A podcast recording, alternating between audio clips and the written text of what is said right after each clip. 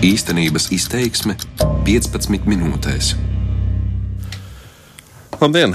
Pasaules uzmanība šodien piesaistīta Singapūrai, kur uz vēsturisku tikšanos bija ieradušies ASV prezidents Donalds Trumps un Ziemeļkorejas līderis Kims Čenuns. Sarunu uzmanības centrā, protams, Ziemeļkorejas kodolprogramma un prasība Pheņanai atbruņoties.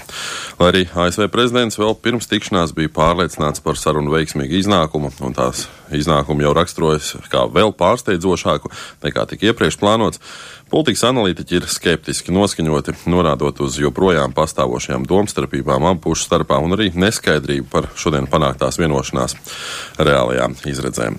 Mani sauc Uģis Lībijams, un šīs dienas raidījumā īstenības izteiksme par Donaldu Trumpu un Kimačinu tikšanos. Un šī patiešām bija vēsturiska ASV un Ziemeļkorejas prezidenta tikšanās, jo šī bija pirmā reize, kad amatā esošs ASV prezidents ir ticies ar kādu no Ziemeļkorejas līderiem. ASV un Ziemeļkorejas starpā nav diplomātsko attiecību, turklāt Ziemeļkorejas Savienotās valstis atklāti sauc par savu lielāko ienaidnieku un apdraudējumu. Vēl pirms aptuveni gada abas valstis bija soļa attālumā no tā, lai izceltos reāls kodolkarš. Par to liecināja ne tikai abu valstu prezidentu Trumpa un Kima pasija un nevienmēr glaimojošie izteikumi otru virzienā, bet arī tas, ka šādu iespēju nopietni sāk analizēt jau arī dažādi politikas komentētāji. Trumpa draudi vērsties pret Ziemeļkoreju ar uguni un spēku dažiem likās nevien tikai skaļi paziņojumi, bet patiešām nopietns risks, ņemot vērā Trumpa neprognozējumību. Taču šī gada sākumā ASV un Ziemeļkorejas attiecībās notika visai negaidīts pavērsiens. Tas aizsākās ar Pheņģenas vēlmu uzlabot attiecības ar kaimiņos esošo Dienvidu Koreju pirms Pjončanas Olimpiskajām spēlēm, pēc kurām Trumpam tika nodots Kimačinuna uzaicinājums satikties aci pret aci. Lai arī agrāk Trumps bija izteicies, ka Ziemeļkoreja jau nu būs pēdējā vieta uz pasaules, kur viņš vēlētos doties, daudziem par pārsteigumu Trumps šo uzaicinājumu pieņēma. Un jau martā kļuva zināms, ka Ziemeļkoreja ir gatava iesaistīties sarunās par iespējamo kodola kodola atbruņošanos, norādot, ka tai kodolieroči nebūtu nepieciešami, ja tiktu garantēta valsts drošība un novērsti militārie draudi. Ar to tika domāta ASV spēku klātbūtne Dienvidkorejā un regulāri rīkotās kopīgās militārās mācības. Visai drīz tika paziņot arī iespējamās tikšanās norises vieta un laiks - Singapūra 12. jūnijas. Šīs dienas tikšanās tika gaidīta ar lielu nepacietību, kaut vai tāpēc, ka nevienam īsti nebija skaidrs, cik ilgas būs Trumpa un Kima sarunas, ko no tām gaidīt, vai tiks pieņemti kādi konkrēti lēmumi par Korejas pussalas nākotni. Tika gaidīts daudz, un vienlaicīgi netika gaidīts arī nekas nopietns. Ņemot vērā, ka tik nopietnām sarunām diplomāti parasti gatavojas mēnešiem ilgi, taču šoreiz viss notika diezgan lielā steigā. Taču tikšanās notika. Trumps ar Kimu veselas 38 minūtes tikās aci pret aci, pēc tam pieaicinot arī tuvākos padomniekus, un jau pēc dažām stundām tika paziņots, ka abu valstu līderi ir gatavi parakstīt samita gala dokumentu. Un nu par to, kas tad ir iekļauts Trumpa un Kima parakstītajā dokumentā. Ziemeļkorejas līderis Kims Čenuns ir apstiprinājis stingru apņemšanos strādāt, lai panāktu pilnīgi Korejas pussalas kodola atbruņošanos. Taču vienošanās tekstā nav pieminēta ASV iepriekš izteiktā prasība īstenot pilnīgu, apstiprināmu un neatgriezenisku kodola atbruņošanos. Diplomātiskajā žargonā tas nozīmētu pilnīgu kodola ieroču likvidēšanu un starptautisku ekspertu inspekciju atļaušanu. Vairāki politikas eksperti jau ir paziņojuši, ka labākajā gadījumā šāds traktējums ir uzskatāms par ilgstošu procesa sākumu, bet pamatu uzreiz atkorķēt šampanieti nebūtu nav. Ziemeļkoreja un Amerikas Savienotās valstis apņemas arī jau tuvākajā laikā sarīkot turpmākās diskusijas, kuras vadīs ASV valsts sekretārs Maiks Pompeo un atbilstoši ranga Ziemeļkorejiešu amatpersonas. Kā vēl pirms šīs tikšanās prognozēja kompānijas IHS marketinga eksperta Elisona Evansa, kas analizēja Āzijas un Klusā okeāna reģionu drošības riskus, kodolbruņošanās iedzienu abas puses joprojām var inter interpretēt atšķirīgi. Paklausīsimies viņas teiktajā. Es nedomāju, ka šajā posmā Ziemeļkoreja ir pat tuvu tam, lai atteiktos no saviem kodolieročiem. Iespējams, tiks spērti tikai kādi pirmie soļi ceļā uz kodola atbruņošanos.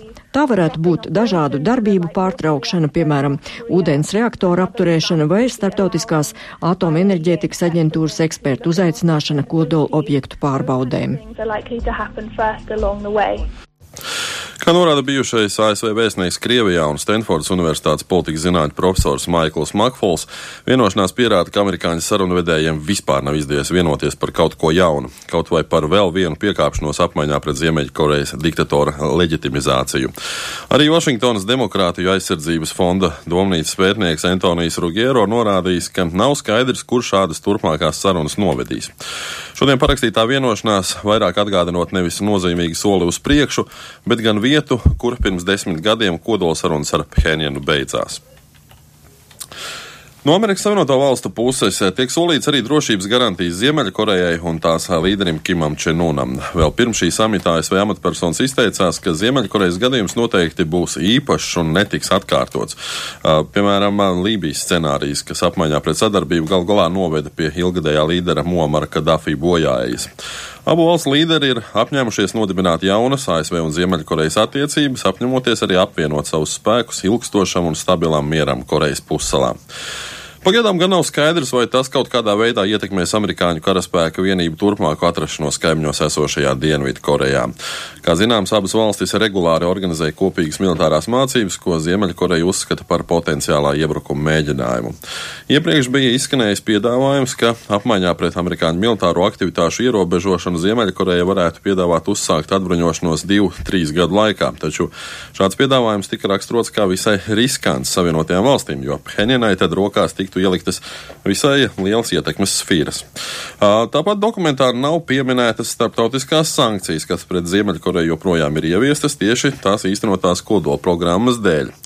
Pirms sarunām Donalds Trumps bija uzsvērs, ka viņa rīcībā joprojām ir daudz jaunu sankciju, kuras viņš nekautrētos pielietot, ja šīs dienas samits gadījumā ciestu neveiksmi. Taču pagaidām līdz nebūs sajūtami konkrēti un taustāmi atbruņošanās pierādījumi, esošās sankcijas joprojām paliks spēkā.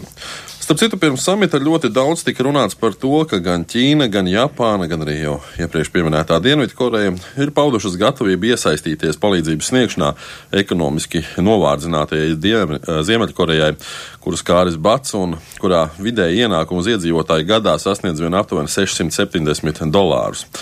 Kā intervijā Business Insider norādīja Čī Son Ho, ziemeļkorejiešu pārbēdzējs, kurš pašlaik dzīvo Dienvidkorejā un vada organizāciju, kas palīdz citiem viņu tautiešiem bēgt no valsts, Ziemeļkorejas valdība ir patiesi nobijusies. Turklāt ne tikai no kara ar citām valstīm, bet arī no pieaugušās neapmierinātības valsts iekšēnē. 이제 북한이 왜 이제 정상회담을 이제 하려고 이제 나올까? Ziemeļkoreja vienkārši cenšas nopirkt vairāk laika. Viņi nevēlas atteikties no savas kodola programmas, taču arī ir noguruši no kopīgajām militārajām mācībām un amerikāņu sabiedrības un valdības dusmām.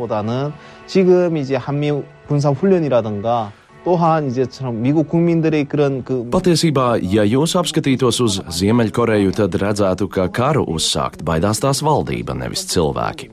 Cilvēki var izdzīvot cauri kariem, taču Ziemeļkorejas valdība izdzīvo eksploatējot savus cilvēkus un aizskarot citas valstis. Viņiem tā ir laba dzīve, taču tas viss, ieskaitot pašu dzīvību, varētu tikt apdraudēts kara gadījumā.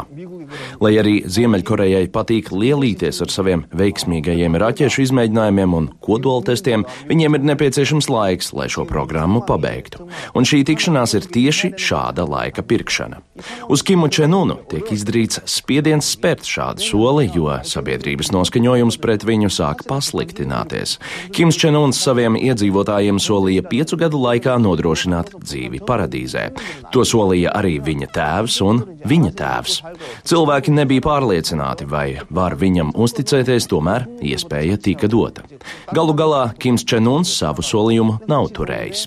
Turklāt tirdzniecības sankcijas ir palielinājušas dzīvošanas izmaksas un padarījušas dzīvi grūtāku.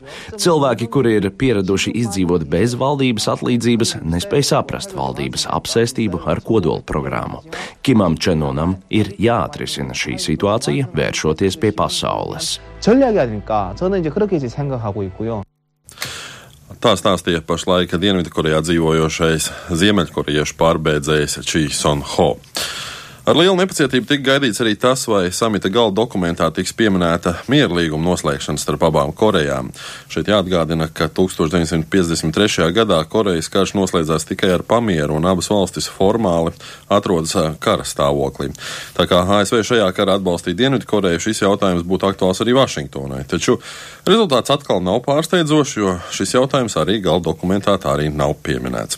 Abas puses gan ir vienojušās atgūt un atrast kara gūstekņu un kardarbībā pazudušo personu mirstīgās atliekas, kā arī nekavējoties repatriēt tās personas, kuras jau ir identificētas.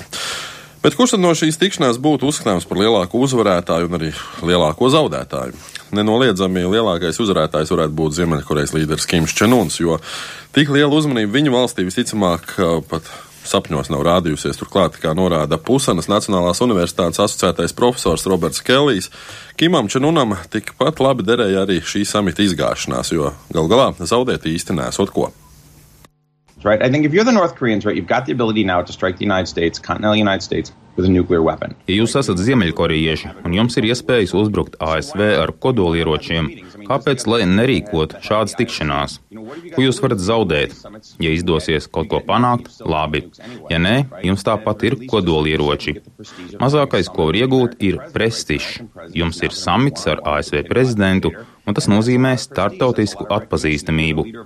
Ja esat Ziemeļkorejas līderis, jums to vajag. Šis video materiāls tiks pārraidīts televīzijā turpmākos desmit gadus, jo pat ASV prezidents būs atbraucis tikties ar mūsu vareno līderi. Tāpēc es esmu skeptisks par to, vai Trumps saprot, kur viņš iesaistās. Ziemeļkorejai šis samits jau ir milzīga piekāpšanās no ASV puses, un prezidents neko vēl nav dabūjis pretī. Un tas ir satraucoši. And that is worrisome. Varbūt kāds atpazina Robertā Kelijā to pašu profesoru, kurš pirms kāda laika pasaules slavu ieguva, kad viņa komentāru televīzijas tiešraidē pārtrauc istabā ieskrējušais bērns. Bet runājot par ieguvumiem un zaudējumiem Donaldam Trumpam, gribētos prognozēt, ka ASV prezidenta um, turpmākajā retorikā šīs dienas tikšanās tiks pieminēta daudz un skaļi, un gal galā tieši Trumpam, lai kā arī viņš ir ticis kritizēts, ir izdevies panākt vismaz tikšanos ar Ziemeļkorejas līderi, bet um, to nebija izdevies nodrošināt nevienam no iepriekšējiem ASV prezidentiem. Vēl pirms dažām dienām Trumps to īpaši uzsvēra, ka Ziemeļkorejas situācija bija iespējams atrisināt daudz agrāk un tas būtu daudz nesāpīgāk, negaidot pēdējo brīdi. To, ko neizdarīja citi, ir paveicis Trumps un ar visai netradicionālām diplomātiskām metodēm. Taču no otras puses, ja drīzumā nesakos konkrētas darbības panāktās vienošanās izpildē, ja nebūs konkrēti pierādījumi tam, ka Ziemeļkoreja patiešām ir sākusi kodola atbruņošanos, šī var izrādīties ļoti skaļa Trumpa un viņa komandas diplomātiskā neveiksme. Un ņemot vērā, par cik lielu izgāšanos tika nosaukts pagājušā nedēļas nogalē notikušais G7 samits, Trumpa virzienā noteikti varētu plūst jauna kritikas lavīna par to, Kas tad ASV ir svarīgāk? Mēģināt sarunāties ar savulaik naidīgiem režīmiem, vai arī tomēr mēģināt uzlabot attiecības ar gadu gaitā uzticamiem sabiedrotajiem rietumos. Noslēgumā nevar nepieminēt vēl kādu lielu ieguvēju, proti Singapūru, kas kārtīgi reizi ir pierādījusi sevi kā veiksmīgu starpnieku un arī lielisku vietu, kur var risināt dažādus nopietnus starptautiskus konfliktus. Tas arī man viss šajā reizē. Mani sauc Uģis Lībijams un dzirdējāt raidījumu īstenības izteiksmē.